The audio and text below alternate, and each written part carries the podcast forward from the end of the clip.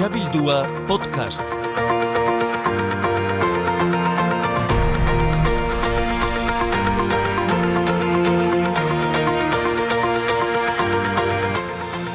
Gaixo eta ongietorri denoi Xabildua podcastaren bigarren denboraldiko bigarrengo saio honetara.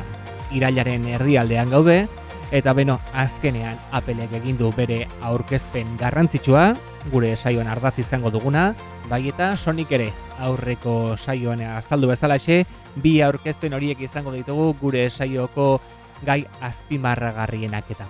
Hori guztia eta gehiago orain hasi eta hurrengo minutuetan hemen Xabildua podcasten. Xabi unanuen naiz, ongi etorri denoi. Teknologia albisteak.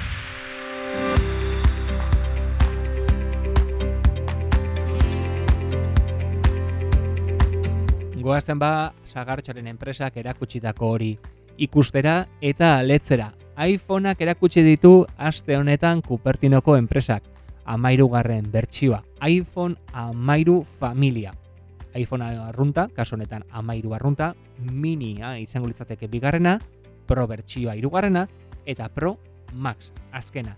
Kasu honetan, desberdintasuna kameretan ikusiko dugu, Pro bertsioak eta Pro Max bertsioak hiru kamera dituztelako atzealdean, eta arruntak eta miniak bi besterik ez. Aurrealdean bakarra.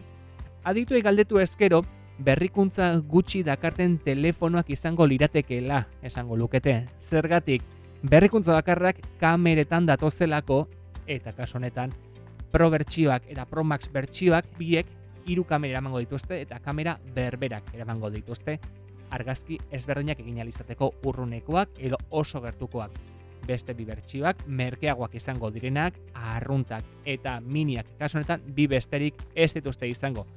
Interesgarriak kamera horiek, lente interesgarriekin, baina kasu honetan bi besterik ez.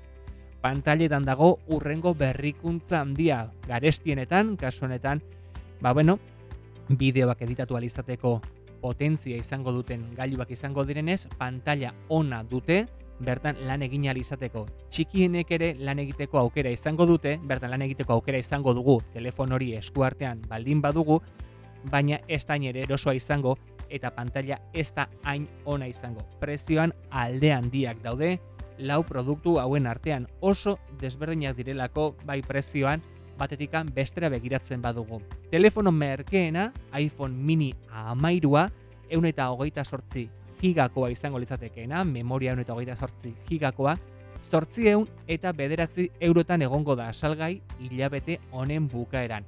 Eta hortik gora dijoa dena. Produktu garestien honetan iPhone amairu Pro Maxa mila sortzi eun eta hogeita emeretzi euroan salduko du Appleek. Garestia. Produktu oso garestia da oso proba izango dena, baina ez da pertsona guztientzako eginiko gailua kasu honetan. Gaurtik hasita, erreserbatu daiteke eta hilabete bukaeran erosteko aukera egongo da modu arruntean. Beraz, produktu hauen zalea baldin bazara eta karteran diru pixka bat baldin baduzu, badakizu zer egin behar duzun hemendik aurrera. Ez da izan ere, Appleek erakutsi dituen produktu bakarrak, iPhone amairuak irakutsi ditu aurkezpen horretan, baina iPad berriak ere bai mini bertsioan kasu honetan iPad miniak erakutsi dira bai eta telefono berriak iPhonearekin lotura izango duten Apple Watcharen bertsio berriak hauek ere garesti xamarrak izango direnak. Askotan esan ohi da Appleek ez duela teknologia saltzen bizitzeko estilo basaltzen duela eta bizitzeko estilo horretan sartzeko, ba bueno, karteran dugun diru guztia xautu beharra dago. Beraz, badakizu, Appleko zalea malin bazara, iPhonea berritu nahi baduzu edo zuretzako kapritxoa hartu nahi baduzu, prestatu diru pixka bat etzaizulako kapritxori merke aterako. Esan bezala, dagoeneko erresarbatu daiteke eta modu arruntean hilabete bukeran erosteko aukera egongo da. Eta Applek bezalaxe, Sonic ere bere aurkezpena burutu berri du azken egun hauetan. PlayStation Showcase izeneko aurkezpen horretan, PlayStation kontsola berrirako prestatutako jokoak erakutsi ditu. Bai PlayStation bosterako, bai eta aurreko generazioko PlayStation laurako jokoak. Datozen hilabetan ikusiko ditugunak ez, kasu honetan 2000 eta hogeita bigarren urtetik aurrerako prestatutako jokoak erakutsi dira bertan. Datozen hilabete hauetan, egu berriak bitarteko hilabete hauetan, joko gutxi ikusiko direlako PlayStation bost berri horietan. Pandemiak dirudienez, eragina izan du bideo jokoak programatzerako orduan eta Sony etxeari min handia egin dio honek. Berrogei minutuz luzatu zen aurkezpen horretan, 2000 eta hogeita biko martxotik aurrera eskuartean izango ditugun jokoak erakutsi ziren.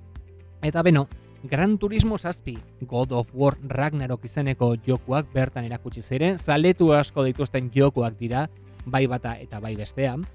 Star Wars Knights of the Old Republic remake ere bertan ikusi zen, duela hogei urteko joko bat berrituta ekarriko du PlayStationek datozen hilabeteetan, beraz Star Warsen zaletu alin bazara zorioneko azu, eta zorioneko azu baita ere, Spider-Manen zalea baldin bazara, bigarrengo jokoa ere, laster izango dugulako esku artean, kasunetan Peter Parker eta Miles Morales bi Spider-Man ezberdinak batuta etorriko dira, Venom arerioari aurre egiteko. Guzti hauek PlayStationek prestatu dituen jokoak dira, 2022ko martxotik aurrera eskuartean izango ditugunak, bain eta berriz errepikatzen ari garen bezalaxe.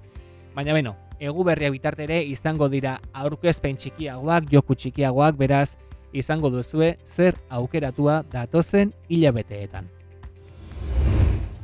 eta gai seriagoetara saltu egingo dugu oraingoan. Wall Street Journal egunkarian irakurri dezakegunez, Instagram sare sozialak kalte egiten du. Kalte egiten die batez ere nerabei eta emakumezkoei.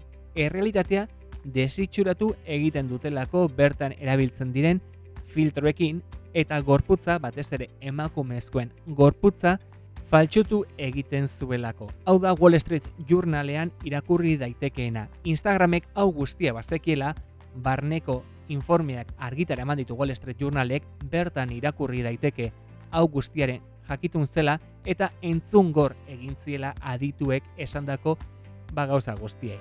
Kaso honetan ikusi besterik ez dago zer nolako gorputzak erakusten diren Instagram bestalako sare sozial batean, dena faltsututa agertzen da, bai argazketan, bai bideotan filtroen erabilerarekin eta Photoshoparen erabilerarekin, eta guztia erregulatu egin behar delare garbi dago. Europar batasuna hau guztiaren jakitun da, eta legedi berria prestatzen ari da Europarako hau guztia erregulatu ahal izateko.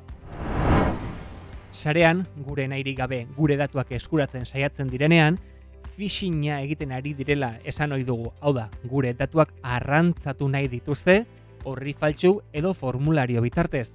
Badirudienez, errealitatera ere iritsi da. Saretik, errealitatera salto egin du. Eta nola?